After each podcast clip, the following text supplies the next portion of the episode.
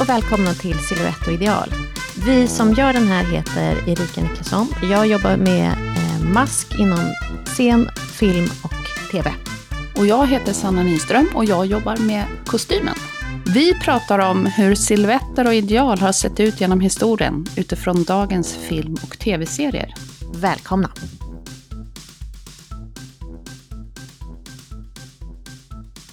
Hej Erika! Hej Sanna, välkommen till ett nytt år. Nytt år och ett nytt avsnitt. Och vi måste ju säga, nämna att eh, vi går båda in i produktionen nu, så nu kommer podden komma kanske lite mer sporadiskt. Ja, vi, vi tänker att den ska komma eh, en till två gånger i månaden, men eh, vi får se hur det blir. Men vi har inte riktigt lika mycket tid att ägna åt detta som under hösten.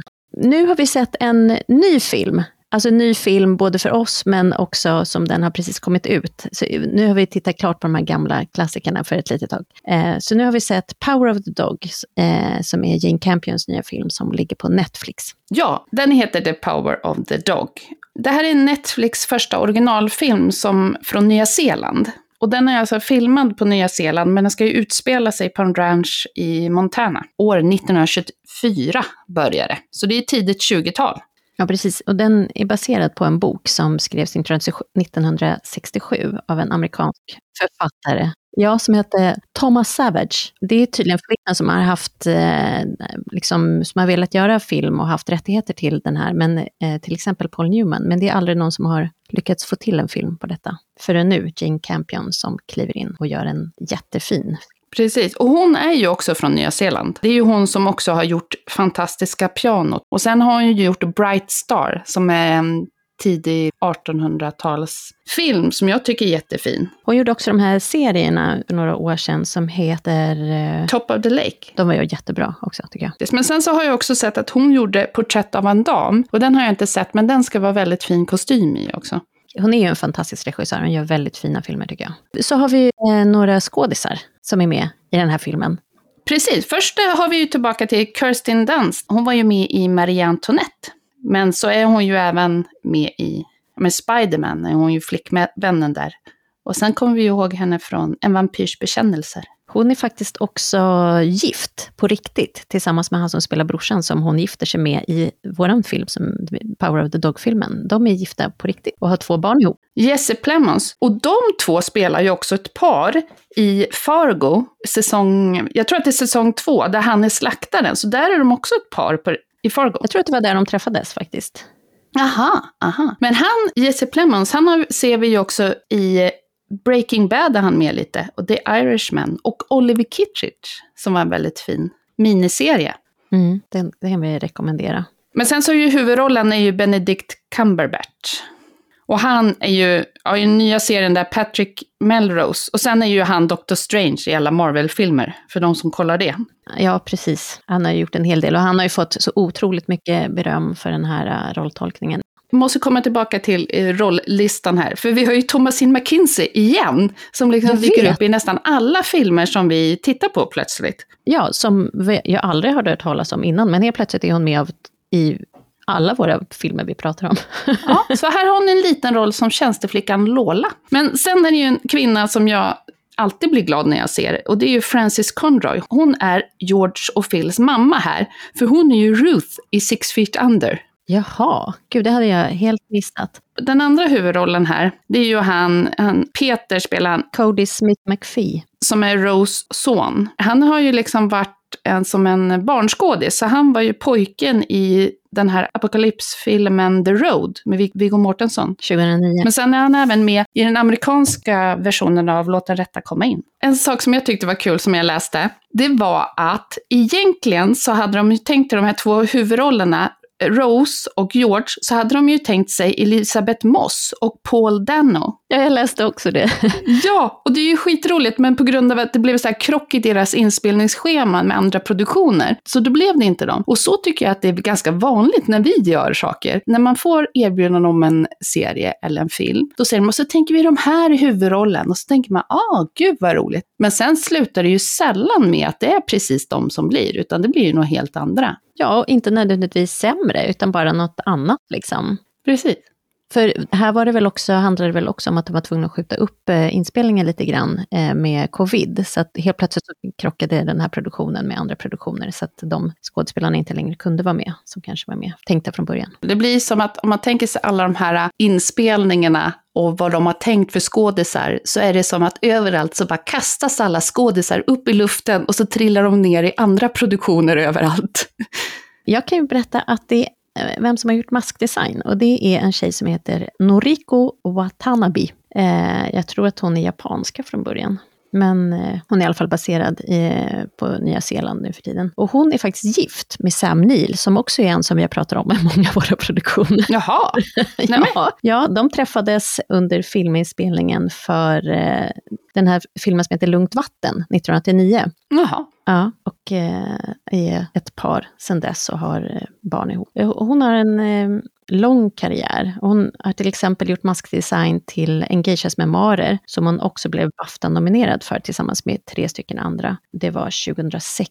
Och 2016 så vann hon Hollywood Film and Hair Makeup of the Year eh, för Hackshaw Ridge men hon verkar vara en sån här som är ansvarig för en stjärna. När det är såna riktiga storfilmer så har man ju ofta en maskperson som är liksom kopplad till en speciell stjärna som de har ansvar för. Har man det i Sverige också?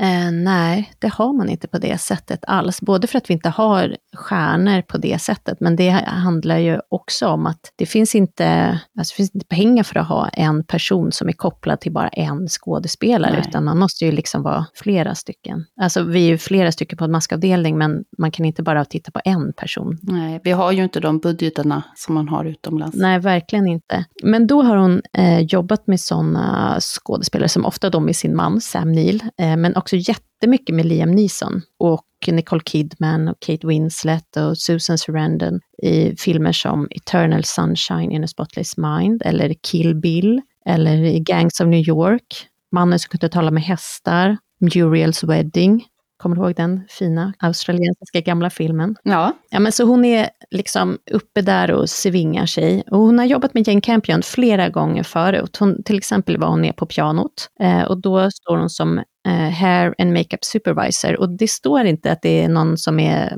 makeup designer där, så kanske är det hon som liksom har satt det, eh, fast det inte, hon har inte just epitetet designer där. Och hon gjorde också maskdesign för eh, den här serien Top of the Lake, det är ju, två säsonger på den va? och jag tror att hon gjorde båda två.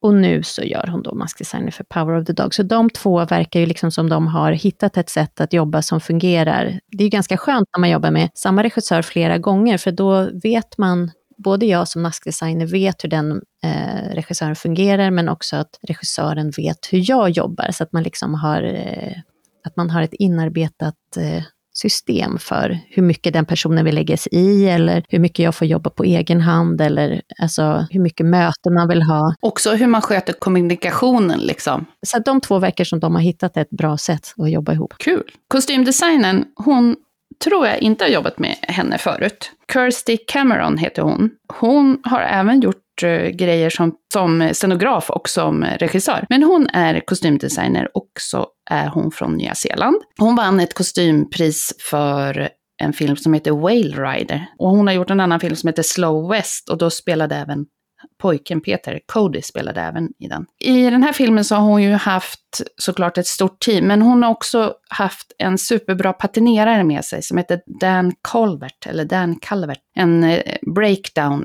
artist som har tagit hand om all patinering. För det är ju ett otroligt fysiskt krävande jobb och liksom ligger mycket konstnärligt i det också. Att hålla på med liksom sandpapper, stålborstar, bränna, färga, bleka, artificiell smuts och olja, allting så att det ska se liksom naturligt använt och urtvättat och slitet ut. Liksom. Och det, för att passa in i den här miljön så behöver man lägga ner mycket tid på det. Ja, det hade ju inte gått om de hade kommit med helt nya skinnbyxor, eller vad heter sådana här eh, chaps, liksom. utan det måste ju se ut som de har faktiskt eh, ridit runt. Och speciellt han, Phil, eh, Eh, som är då Cumberbatch karaktär, han tvättar sig inte heller på någonsin känns det som. Så att han, lägger ju någon, han har ju någon slags heder i att inte tvätta sig så ofta. Ja, Och här läste jag också att, att, eh, en viktig del var här, var ju att Peter och Phils kostym var så olika varandra. Och det ser man ju verkligen då, att Phils kostym, det är ju som ett andra skinn på honom. Det är liksom, han tar inte av sig kläderna. De är helt integrerade med honom och är liksom som ett skal och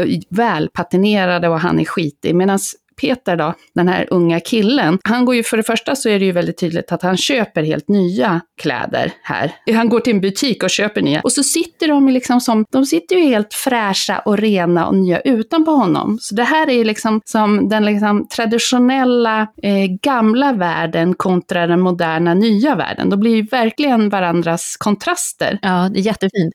Det han ser också lite utklädd ut, som när han ska till den här ranchen, att de liksom går och köper nya kläder och att han blir, ja men man köper en uniform eller vad man ska säga. Man köper en kostym till honom som han liksom inte alls är bekväm i, som också ser lite påsatt ut. Och han har de här nya grejerna som Converse-skor, han har jeans, denimbyxor, han har en cowboyhatt. Så jeans, de kom ju på 1870-talet, kom ju jeansen. Men jag kommer inte gå in på det nu, utan jag tänker att jag pratar om det i ett annat program. Ja, men också att han köper jeans, då när han kommer, de är ju helt otvättade och står ju av sig själva. Då är det någon av cowboysarna som säger så här, var det ingen som sa till honom att han skulle tvätta dem först? Eh, att han skulle blöta dem först. Han skulle blöta dem först. Precis. Och det visar också, det är många sådana små detaljer i filmen som liksom har med kostymen eller masken att göra. Ja.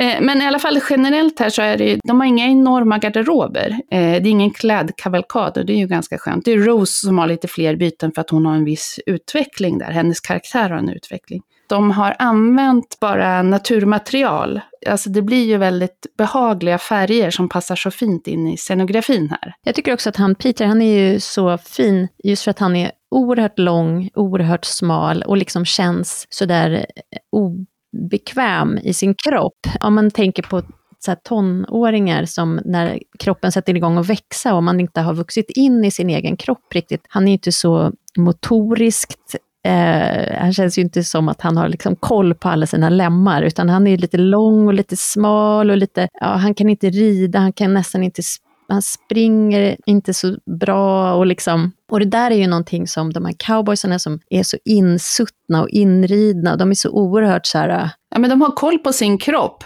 Ja, och sina hästar och de är så vana vid att röra sig ute i naturen hela tiden. Eh, så att han står ju liksom ut och det är så ett sånt oerhört fint eh, karaktärsbygge tycker jag. Att han känns Verkligen. så tonnisk och så ny och naiv och feminin. Allt det där som den här Phil då föraktar men också beundrar i smyg, känns det som. Väldigt mycket i smyg.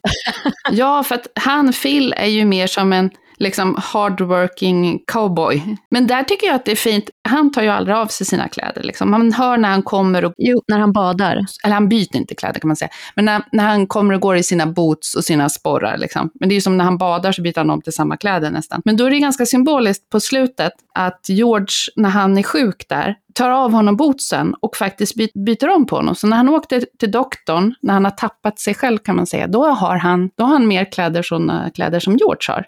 Ja, första gången han har på sig någonting annat. Liksom. Han är väldigt otrevlig. Han tycker allt som är feminint tycker han är löjligt. Han föraktar, liksom, han föraktar verkligen svaghet. Och han har ju en enorm hemlighet som han försöker dölja och har försökt dölja i hela sitt liv. Eh, och för att dölja det så måste han bli den mest macho av alla eh, i denna ändå väldigt macho eh, miljö som cowboymiljön är. Det finns ju inte speciellt många kvinnor där. Han försöker upprätthålla ett gammalt form av cowboyideal. För men nu, det här är 1924 och de bor ju i ett hus där de kan tvätta sig. De har ett badkar, de har rinnande vatten. Men han väljer ju att inte göra det och det är ju på något sätt att han försöker leva som sin guru och mentor, Bronco Henry, som vi aldrig får träffa, men som man förstår att han har sett upp till oerhört mycket under sin uppväxt. Eh, så han försöker liksom leva den gamla sortens cowboy och säga att det här var riktiga män. Så här var riktiga män. De tvättade sig inte, de luktade kar, de gjorde sig inte till för någon, de var allt annat än feminina och man behöver inte vara trevlig mot någon egentligen. Eh, men allt det där klär ju han i sig för att han ska, eh, för att han behöver dölja den som han är egentligen. Så tänker jag.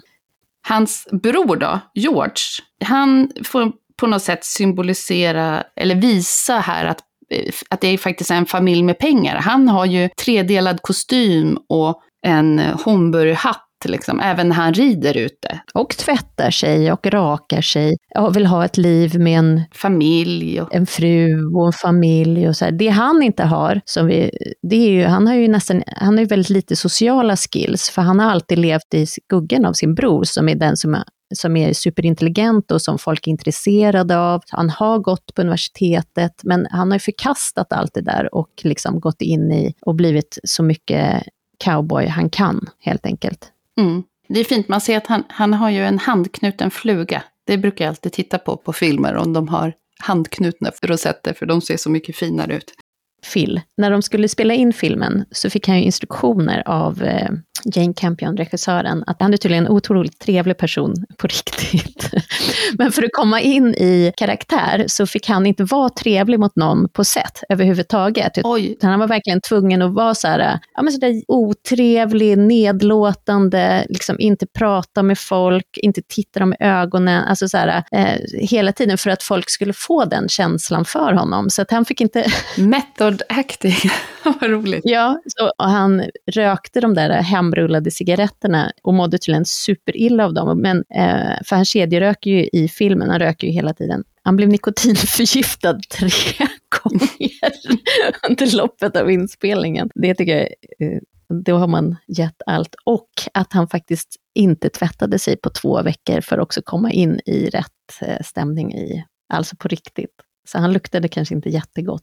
Skådespelarna eh, Kirsten Dunst och eh, Cumberbatch, de pratade nästan ingenting så här, privat under inspelningen. Man känner ju verkligen deras kyla mellan varandra, alltså i filmen. Den är ju så otroligt påtaglig. Ja, och han Cumberbatch Phil där, han eh, hatar ju henne för att eh, hon gifter sig med hans bror och tar liksom hans bror ifrån honom. Och även om han är så otrevlig och nedlåtande mot sin bror så är ju det ändå en, den enda som har varit med honom i hela livet och som han ju håller i, som han liksom känner att han hör ihop liksom. Ja, de har ju delat dubbelsäng till exempel när de varit ute på andra ställen och nu får han ligga själv på sin sida. Ja, och delar även i vuxna, vuxen ålder så har de ju ett sovrum med varsin enkel enkelsäng bredvid varandra. Så de liksom är ju som två brorsor som bara helt plötsligt har blivit vuxna, men har fortsatt att leva som om de vore tonnisar eller barn fortsatt. Så att när hans brorsa gifter sig så ser ju han det som ett sånt svek och då börjar han också hata hans fru som ju kommer med något annat som tar sin bror ifrån honom. Och hon Rose, det är ju på henne, alltså lite med frisyren, men också att, eh, med, att det är lite de här raka siluetterna på några utav hennes kläder. Där ser man lite 20-talet. Annars så ser man ju inte riktigt 20-talet sådär tydligt. Och så har hon, hon har ju någon klockad hatt. Men jag gillar att hon ser så himla realistisk ut. Men hon ser så eländig ut. Alltså det tog ett tag innan jag såg att det var hon faktiskt. Eh, I början ser hon ju inte alls lika förgrämd ut, men efterhand så ser hon ju så eländig och Eh, ja, hon har ju en utveckling i kostymen där också som följer väl hennes... Så, här, så från början är hon ju en ensamstående, hårt arbetande kvinna. Liksom. Då har hon ju byxor till och med och förkläde. Och sen så blir hon den här nygifta kvinnan, då har hon dräkt och kjol och en klockad hatt. Men sen så faller hon ju till den här alkoholiserade, olyckliga kvinnan som mest går omkring i nattlinne och morgonrock och är barfota. Och ju mer hon dricker, ju mer är hon ju liksom också kvar bara i, sina, i sin morgonrock. Men där är det så fint hur de har jobbat med färg också, för hon är ju så de har ju gett henne en peruk eh, som är ju väldigt blond. Hon har ju väldigt, väldigt ljus i hyn. Vid väldigt många tillfällen så har hon ju liksom så här eh, hudfärg, alltså lite ljusrosa underkläder eller ganska ljusa kläder eh, som går lite åt rosa, vilket gör att hon känns så naken och så oerhört oskyddad mot Montanas hårda sol. Ja. Alltså som att hon inte alls eh, är liksom skapad för att vara ute i den här hårda naturen, liksom, tycker jag.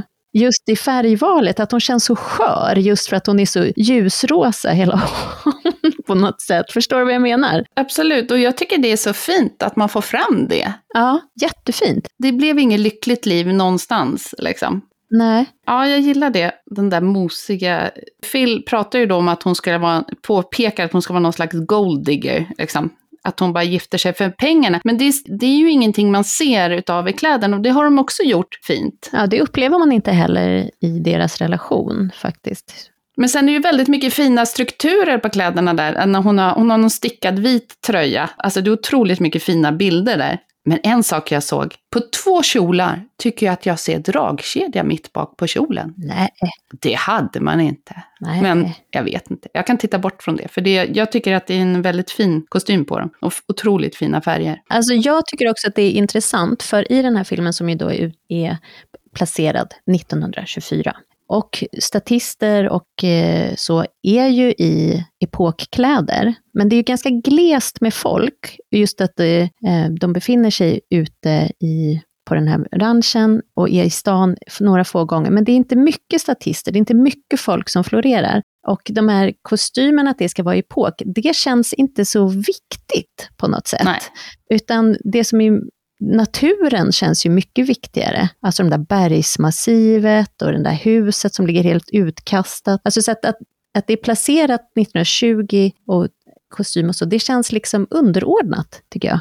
Ja, Nej, men jag tycker att de har gjort ett otroligt fint, alltså karaktärsbygget med mask och kostym i scenografin och allt. Den känns så väldigt fin. Ja, det är liksom historien som är det allra viktigaste och det är den som också kommer fram. Det, mask och kostym tar liksom inte över, även om det är... Nej, det tar inte över, men man ser verkligen hur de, hur de hjälper historien här, tycker jag. Ja, verkligen. Jag läste någonstans att mycket av inspirationen till den här filmen har de fått av en kvinnlig fotograf som heter Evelyn Cameron. Mm. Hon levde 1868 till 1928 och hon, eh, hon var engelsk, en engelsk superrik kvinna som flyttade med sin man som var ornitolog från England till Montana. Och där började hon dokumentera både i dagböcker och fota allting runt omkring. Så här, djurliv, folk som levde på ranchen och på prärien. Det, det, har ju blivit ett fantastiskt tidsdokument som det är jättemånga som använder under research. Så när man söker på Eh, den här tiden så är det mycket av hennes bilder man får se. Och eh, man kan inte heller ens föreställa sig, alltså det här var ju väldigt tidigt för kameran, hur det var för henne som kvinna ute på en ranch, få tag i alla liksom, delar för att kunna fota och göra det här. Men det är ett fantastiskt dokument. Henne borde det bli en film om. Kanske vi kan lägga upp några av bilderna. Precis. Jag tror att det finns någon bild med henne när hon står, hon står på ryggen på en häst. Hon var inte bara fotograf, hon var också cirkusryttarinna. Ja!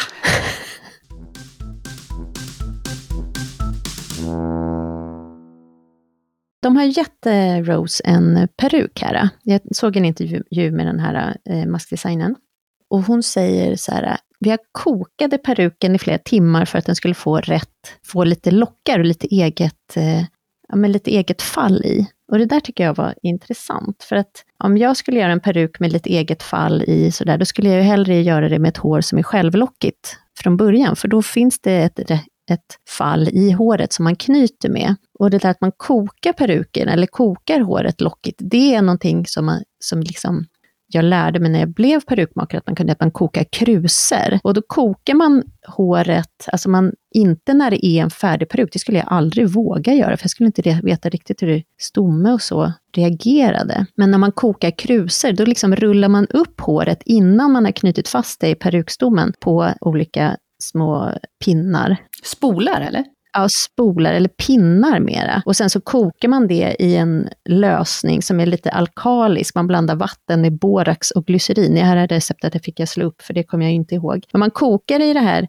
i en till tre timmar och sen så ska man lägga det i ett ättiksbad och så ska man torka det i ugnen på svag värme i 24 timmar och då håller lockarna liksom. Mm -hmm. Gud vad intressant. Jag tänker att det är som en slags permanent kanske skulle jag också hellre permanenta ett rakt hår istället för att koka det så här just nu, för att jag är lite lat lite lat kanske. Knyta en peruk väldigt länge, sen slänga ner och koka den och så bara oj. Det låter som ett väldigt gammaldags sätt att göra det. Det var ändå intressant att hon sa det, att de hade gjort det på det sättet, för det, det skulle jag liksom inte, så skulle inte jag göra. Men jag menar, alla sätt är bra så länge de funkar liksom. Ja. Ja. Jo men Peter, eh, Rose, mamman, tar ju med honom till en butik för att handla. Från början är det som att han har sin pappas gamla kläder tror jag. Och sen så ska han få nya kläder när de ska, jag vet inte om när de ska till ranchen eller om när han börjar skolan. Det kommer jag inte ihåg. Han studerar ju Går de inte till den där butiken två gånger, eller minns jag helt fel? I alla fall, när de ska till ranchen, då åker de ju och köper kläder till, cowboykläder till honom, som han ska ha där. Ja, cowboykläder. De typiska cowboykläderna som vi tänker. Alla har ju i huvudet som att det är så jeans och boots och hatt och chaps eh, när vi tänker på cowboyar. Men här så, han köper ju ett par Converse-skor väljer ju han, och inte bootsen. Och det blir också en liten grej i filmen, att han inte väljer att ha boots, utan han har sina små tygskor. Och Conversen, de fanns ju faktiskt här, för det var ju en, eh, på 1908 så var det en man som hette Marquis Mills Converse. Då startade han ett företag som heter Converse Rubber Shoe Company. Och efter ett tag så började han inrikta sig på sportskor, tennisskor. Men 1917 så började han tillverka basketskor. Och sen i starten av 20-talet då började basketspelaren Chuck Taylor jobba för dem som säljare. Och då hade han lite liksom, förslag på förbättringar för att de skulle bli mer stadiga och flexibla. Och då blev de här eh, Chuck Taylor Allstars, som har den här runda loggan med en stjärna. Och den här loggan den sitter ju alltid på insidan av skorna. Och den ska vara 4, exakt 4,6 cm i diameter. Annars är det fake. Herregud, jag måste mäta mina. De enda skorna som inte haft loggan på insidan, det är Jewel Allstars från år 2000. Den hade loggan på utsidan. Det har de valt för att det tyckte de var snyggast. Men det här är ju liksom det första kändissamarbetet kan man säga på sportskor. För sen har vi ju Michael Jordan och Nike och Stan Smith och Adidas och alla sådana där som kommer. Men nu tänker jag vandra genom historien för kända Converse. Ja, de här kanske kommer på våran Insta sen, olika bilder så att man kan få se. Ja, men det börjar ju på 20-talet med Chuck Taylor, basketspelaren. Och på 30-talet, då var Converse-skon den officiella sportskon i olympiska spelen. Och det var de från 1936 till 1968 faktiskt. Sen 40-talet, då var det amerikanska soldaters officiella sport och träningsskor, under, till exempel under andra världskriget. Eh, 50-talet, då ser vi Converse på James Dean och Elvis Presley. Och 1949 så kommer de här höga svarta, som är de som man först och främst tänker på när man tänker på Converse. Men under 60-talet, då var det här den absolut populäraste basketskon på alla professionella basketspelare. Eh, sen så under 70-talet, då börjar det komma in lite andra märken och konkurrera. Eh, men då ser vi ju istället eh, på Sylvester Stallones karaktär Rocky Balboa. Han eh, joggar ju i ett par svarta Converse i den första Rocky-filmen. Eller under 70-talet så ser vi ju även Converse på Sex Pistols och Ramones. Så de blir lite punk där. På 80-talet, då är de ju ännu mer i populärkulturen. Till exempel Marty McFly Tillbaka till framtiden. Michael J Fox i Tillbaka till framtiden ja. Han har ett par Converse. Och sen så ser vi dem i Stand By Me från 1986. Det finns till och med en webbsida som heter The Chuck Taylors in Film, som liksom är alla filmer du någonsin kan tänka sig som har, där Converse har varit med. Men på 90-talet, då ser vi dem på Winona Ryder. Och Evan McGregor har på sig dem i Trainspotting 1996. Och sen Kurt Cobain, han dör ju i ett par, han skjuter sig själv i ett par Converse. År 2001, då håller företaget nästan på att bli bankrutt. Men sen har vi ju sett dem i, på 2000-talet i Sofia Coppolas film Marie Antoinette. Då pratar vi om dem lite grann. Ja, just det. Men menar du att de håller på att bli bankrutt? De hade nog dåliga investerare dålig ekonomiplanering där. Ansvarig, ja som gjorde att det höll på att gå åt skogen. Men sen på 2000-talet där, eh, då ser vi ju dem ju även i Harry Potter, har ju på sig det. I Halvblodsprinsen och Fenixorden så har han Converse på sig. Will Smith i den här filmen I, Robot, som är en framtidsfilm, då säger han, då, sätter, hittar han ett par i framtiden och så säger han, åh, det här är vintage från 2004. Mm. Och sen så ser vi dem på, ja men vi ser dem överallt, på Eleven i Stranger Things. Och sen 2020 nu, så Kamala Harris, hon hade Converse på sig under sin kampanj. Men alltså, de kommer alltid tillbaka. Jag hade ett par svarta som jag hade gympa i på slutet på 80-talet. Jag har också haft Converse i många varianter, massor av år. Ja, men eller hur? Det är en oerhört klassisk sko, så det är ju inte konstigt att de dyker upp i alla, Nej. alla möjliga filmer. Ja, Så var det med Conversen. Kommer vi få se bilder på alla de här nu som du har räknat upp på Insta? Ja, det kommer, det kommer bli 2500 bilder på Converse.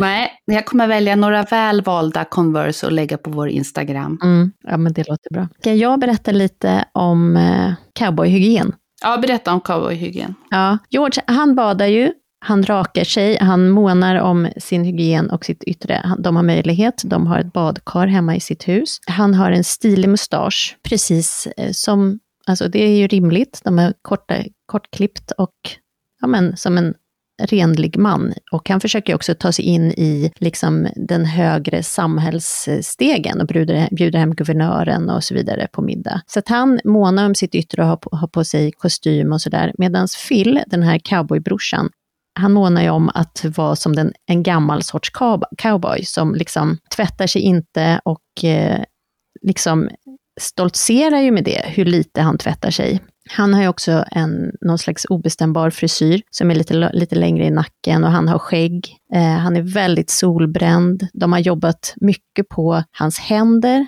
Alltså han är ju så macho så att han har inte ens eh, eh, handskar på sig när han kastrerar tjurarna, utan han kör. Och han har också mycket ärr och sånt där på händerna som de har lagt till. Det var inget jag tänkte på när jag såg filmen, men som jag sen läste att de har jobbat mycket med hans händer och att de liksom har gett honom en ordentlig cowboybränna, att han är väldigt solbränd i ansiktet och på händerna och resten är ju Eh, ganska blekt, för det är ju täckt. Och då så blev jag lite nyfiken på hur var det egentligen med cowboyhygienen? Och här har vi då kommit till 20-talet så att de också bor ju så att de har, kan tvättas egentligen. Men innan, det vi egentligen tänker som cowboy, det är ju liksom någon slags 1800-tal. Och de som kom först och skulle liksom ta över hela det här enorma landet. När de var ute och Eh, vallade sina kor så fanns det ju inte direkt någon möjlighet till att tvätta sig speciellt. Liksom, man kunde tvätta sig i bäcken och sådär, men annars var det kanske, det var, och kanske helst på sommaren, kanske inte jättemycket på när det var superkallt. Men då var det ju inte heller så att man eh, kanske prioriterade att raka sig ute, utan de flesta hade nog en ganska bra skäggstubb. Eh, men bilden vi har av cowboysarna, det är ju att de var renrakade och att de kanske hade en mustasch. Vi har inte en bild av att cowboysarna hade helskägg, eller hur? Tänker du cowboysar med helskägg? Nej, utan alltså min, min första bild i huvudet av cowboys, ja. det är ju Woody i Toy Story eller Lucky Luke. Och de har ju inte skägg. är det din första tanke på cowboy? De är ju som stereotyper på cowboys. Och då läste jag lite grann om det här. Och det finns ju en anledning till varför vi tänker att de är renrakade. Och en tanke, det är ju så här att att vara cowboy ute, det var ett ganska hårt jobb. Så de som var ute där, det var unga män. Alltså de kanske var nästan tonnisar och som 20-åringar. Och de kanske först och främst inte hade jättemycket skägg. Det kan vara en förklaring. Men en annan förklaring är ju att när de hade varit ute och vallat sina kor eh, och kom in till stan, då var det liksom en sak att man gick till barberaren och liksom rakade sig eh, då. Och det var så det fungerade. Men också de bilder vi ser, att ta ett fotografi när kameran var helt ny, det var ju en stor sak. Så om man skulle ta ett foto, då ville man ju se sitt bästa ut. Så då hade man ju såklart varit och rakat sig hos barberaren innan. Ja, det visar ju inte den mest rättvisa. Nej, och att cowboyfilmerna som vi liksom uppväxta med och som vi har sett, som vi har någon, som någon slags bild av cowboysarna, det är de är ju ofta från 40 och 50-talet, 60-talet kanske. Och då, då var det ju mode att man var renrakad. Så det är också därför. Så vi har liksom en bild av att cowboysen är renrakad. Eh, men på riktigt... På samma sätt som vi har den här bilden av att de krigade med ursprungsbefolkningen, medan snarare dog oftare av att ramla av hästen än i eldstrid och sånt. Ja, det var, och, och just att det var ju väldigt svårt med hygienen också, för att det var svårt att hitta rent vatten. Så det var ju också många som dog av kolera och även många ursprungsbefolkningen som dog av kolera och att vi, alltså, cowboysarna kom, liksom, kom med massa sjukdomar och smittade både varandra och eh, ursprungsbefolkningen. Så det var mer det man dog av. Men just att det var svårt att hitta vatten eh, som var tjänligt, det gjorde ju också att om du väl skulle ta ett varmt bad, då var du ju först tvungen att släpa in massor av vatten och skulle du värma upp det också så kan man tänka hur mycket kraft och ved det tog för att eh, faktiskt få varmt vatten. Så när man väl hade gjort det, om man nu fick för sig det, då var det ju också vanligt att det var fler som badade i det där vattnet, att man kanske inte fick en helt egen och sen hällde man ut det badvattnet och värmde upp 200 liter till som någon fick släpa in och koka. Härligt att vara sist på listan.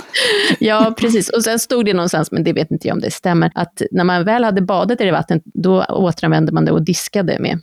Men alltså det låter ju snuskigt, så att det, då förstår man ju också att de kanske blev lite sjuka. Ja, men så när man hade varit ute på sina sådana där resor, då fick man ju gå till barberaren. Ja, att när man då tog sig in till staden och kanske kostade på sig att gå till barberaren, som ju också kostade pengar. Eh, och hade man lite pengar, vilket de här cowboysarna kanske inte tjänade asmycket pengar, då kanske man föredrog att äta istället för att raka sig. Så att, eh, det kan ju också vara så att folk var nog inte så där renrakade som vi tänker dem. Ja, det känns ju mest rimligt att de inte var det. Ja. Jag tänker också det här med klimatet på något sätt. Att liksom, de i söd, södra delen, det är klart att det måste ha varit skönt att gå och raka sig om det var väldigt varmt och hett. Men jag tänker när eh, de som var norröver sen på vintern och kallare tider, då måste det ju varit lite härligt med skägg också. Ja, det var också väldigt mycket damm och sandstormar, liksom. eller inte sandstormar, men det var väldigt mycket dammigt eh, verkar det som. Och därför så har man ju ofta den där snusdensduken som man kunde knyta runt munnen och så för att man inte skulle få damm och sand i ansiktet när man red. Så att det,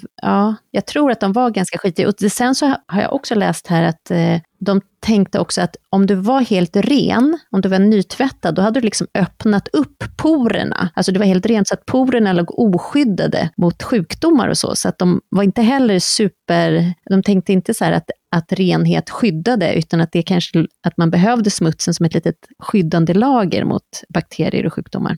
Alltså vad vet jag om det stämmer eller inte. Och såklart var det här olika för olika grupper och olika, olika folk. Liksom. Men de här barberarna, de fick ju göra lite både det ena och det andra, inte bara klippa och raka, utan de kunde ju också vara de som liksom drog ut tänder, eller plockade ut kulor, eller liksom la, la för sår om det inte fanns någon doktor i närheten. Eh, så det är någon som spekulerar kring, du vet en sån här barberarstång som är utanför barberaren, som visar att det är de, som är så vit och röd. Mm.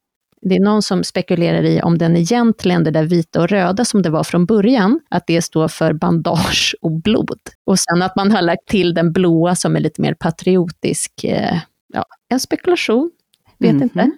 Något som jag tyckte lät så oerhört ohygieniskt, det var ju att de, de tuggade ju tobak och spottade ju väldigt mycket. Alltså det verkar, de hade ju spottkoppar på de här barerna och salongerna. Ja på salongerna så fanns det också handdukar som hängde vid baren. Så att när de liksom drack sin eh, öl, som för det första då var varm, eftersom det inte fanns några kylskåp, så fastnade det här ölskummet i mustaschen och i skägget. Eh, så då hängde det handdukar vid baren, så man kunde torka av det där extra skummet. Och de där handdukarna, de hängde ju där så jättemycket, så folk torkade sig med samma handduk. Och sen så spottade de ner och då hade de ju spottkoppar, eller spittoons som det heter, som stod vid baren också så att man skulle kunna spotta ner i de där eh, spottkopparna så att det inte skulle komma överallt. Men det missade de ju och så spillde de ju, så de hade ju också sågspån på golvet så att liksom fånga upp allt det här spottet och eh, det som liksom... Åh gud vad hygieniskt det känns. Ja, och sen så var det ju många som när de kom in till stan och behövde någonstans att sova, och så var det fullt på hotell och sånt där. Eller, ja, och då fick de erbjudande om att de kunde ligga inne i baren, fast på golvet. Och då låg de ju på det där jävla sågspånet. Så det där gjorde ju att det spreds jättemycket sjukdomar, för att det var så snuskigt med allt det där spott spottet som liksom låg överallt. Det blev faktiskt förbjudet att spotta i, på offentliga platser, till exempel på tågstationer och sånt där, och man kunde få böter upp till 500 dollar och ibland även fängelse ifall man höll på att spotta överallt. En spännande liten sid, eh, ett mm. litet sidspår i cowboyhygienen. Precis. Alla sådana där detaljer var ju en helt annan mening för oss sedan två år tillbaka. Ja, och jag tänker också att det här är nog eh, en lite tidigare, eh, alltså i den The Wild West på 1800-tals Wild Westet. Men det är ju den cowboybilden som Phil värnar om och den slagsens cowboy. Så att han har skägg och är orakad och eh, nog luktar ganska illa, det är, nog, eh, det är nog helt rätt tror jag. För att det är den slagsens machoman han är ute efter. Men på 20-talet så känns det ju som att alltså, man kunde ju eh, välja någonting annat, i alla fall om man var rikeman som han faktiskt är ju. Precis, så att han och hans bror har ju två helt olika sätt att förhålla sig till renlighet. Men jag tänkte på det här med cowboys. Du skickade ju en rolig länk till mig. Ja. När man uppmärksammade cowboyhatten också. Alla de här cowboy, gangster-cowboyerna, Billy the Kid, Jesse James, Wild Bill Hickok, White Earp, alla de där. När man tittar på bilder på dem, vad de hade för hattar, så är det ju inte den där cowboyhatten. Nej, cowboyhatten kom väl mycket senare, eller? Ja, och det vanligaste här, det var nästan, det allra vanligaste bland cowboyerna, det var plommonstop. Ja. Alltså en derbyhatt. Men också vissa av de här hade liksom en hög hatt eller en väldigt platt hatt eller en sån här skepparkeps. Eh, liksom. Och vi ser ju George, han har ju en Homburg, Homburg-hatt. För när kom själva den här Stetson-hatten? Vet du det?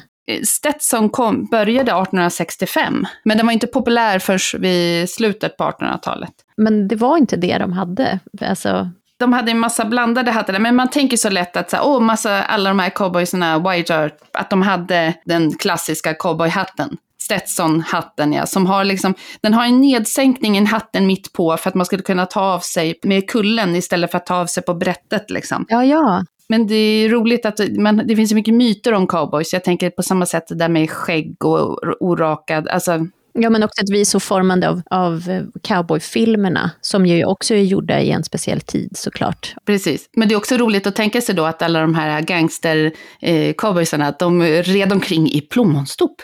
Ja, det, som... det, det, det, strider lite mot ens ja. cowboykänsla. Ja. Nej, men en annan sak som jag tänkte prata om, som jag faktiskt tänkte gå in på, eftersom jag tänker inte prata om eh, jeansen och arbetarbyxorna som var där, men jag tänkte jag vill nämna ändå chapsen, för att chaps, det tillhör ju liksom cowboy-stilen på ett mm. sätt. Han vaggar ju runt i sina chaps de, eh, hela tiden. De är väldigt fluffiga, hans fills. Ja, Verkligen. Sådana kallas woolies. Ser väldigt varma ut. Precis, det där är de varmaste chapsen. Men det, chaps är ju som ett par benskydd som man har runt benen. För att slippa, antingen för att slippa skavsår på insidan av låren, men också mest för att skydda utsidan av byxornas ben. När man rider genom snår och taggiga buskar och förbi kaktusar och grejer. Eh, och de sitter ju alltid ovanpå byxorna med ett bälte. Eh, så ibland säger man så här, eh, en eh, alltså assless chaps. Men det finns ju ingenting, alltså för det är ju inga chaps som har en rumpa, utan de är ju alltid som, antingen som benholkar som man trär i benen i, eller som att man spänner runt. Namnet chaps, det är ju en förkortning av det spanska ordet chapareras. Och chapareras har fått sitt namn av chaparral, som är en typ av liksom snårig buskvegetation där de här eh, spanska boskapsskötarna ofta hade sin, sin boskap. Men spanska ordet för chaps det är sajones. Jo, men så man vet inte om chapsen kommer så här, eh, utvecklades hos boskapsskötarna i Spanien, som sen kom till nya Spanien, Mexiko och sen spred sig upp, uppåt. Men sen har även ursprungsbefolkningen i Amerika har också haft liknande skydd. Och från början så var det ju kanske två läderstycken som satt fast i sadeln. Och så liksom vek man upp dem när man behövde. Mm -hmm. Och sen så mhm. vek man bort dem igen. Men man kan ju säga i alla fall från 1870-talet, då är liksom chaps spridda över hela Texas och det, det tillhör cowboyens eh, utstyrsel. Då finns det lite olika varianter. De tidiga, de kallas armitas. Det är liksom, de utvecklades i Mexiko och de skyddar liksom bara övre delen av benet och har mycket såna här äh, fransar och grejer. Och slutar under knät. Men sen så finns det de här Batwings, kallas ett par.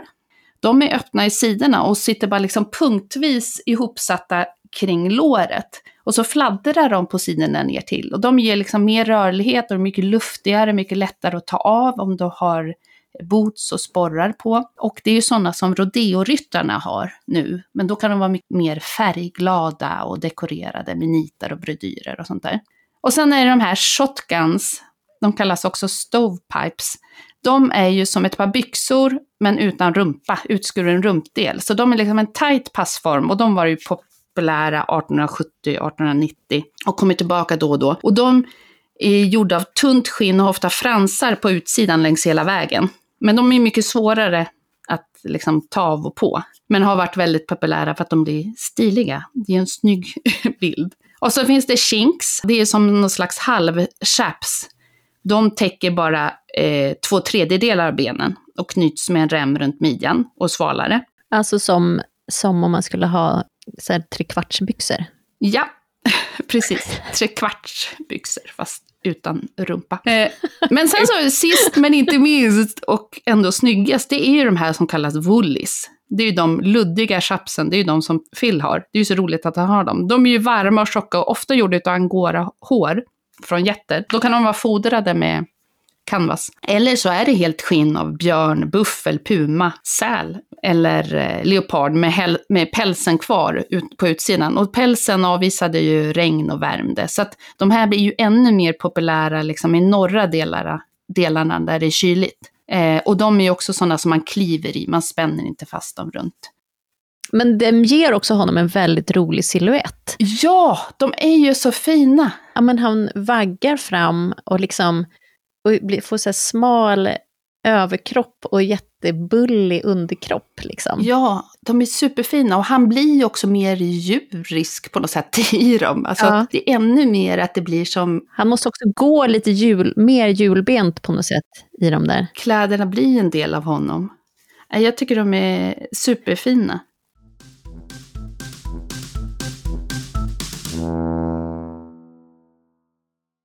Vad tycker du om filmen? Tre sista orden om filmen. Den är vacker och så börjar den segt. Man liksom växer in i den på något sätt. Och sen när man har sett hela filmen, när poletten trillar ner och man får se, liksom, då är det som att man skulle vilja se den igen. Att jag tyckte väldigt mycket om den, men den är ju liksom långsam vad tycker du? Jag tycker jättemycket om den. Alltså, jag tycker det är så intressant också hur man växlar från... För man tycker ju, den här Phil, i starten är han ju bara, bara ett riktigt svin och så jävla otrevlig och så match. Det handlar ju mycket om toxisk maskulinitet, skulle jag vilja säga. Eh, och hur han eh, trycker ner folk och är otrevlig och alltså man tänker så här, det kommer gå illa. Mötet med den här unga Peter, det kommer gå illa, tänker man. Och sen vart efter filmen går, hur man växlar från att man tänker vem som är stark, vad som är starkt, vem som är svag, vad som har hänt och ens, eh, och en sympati växlar också.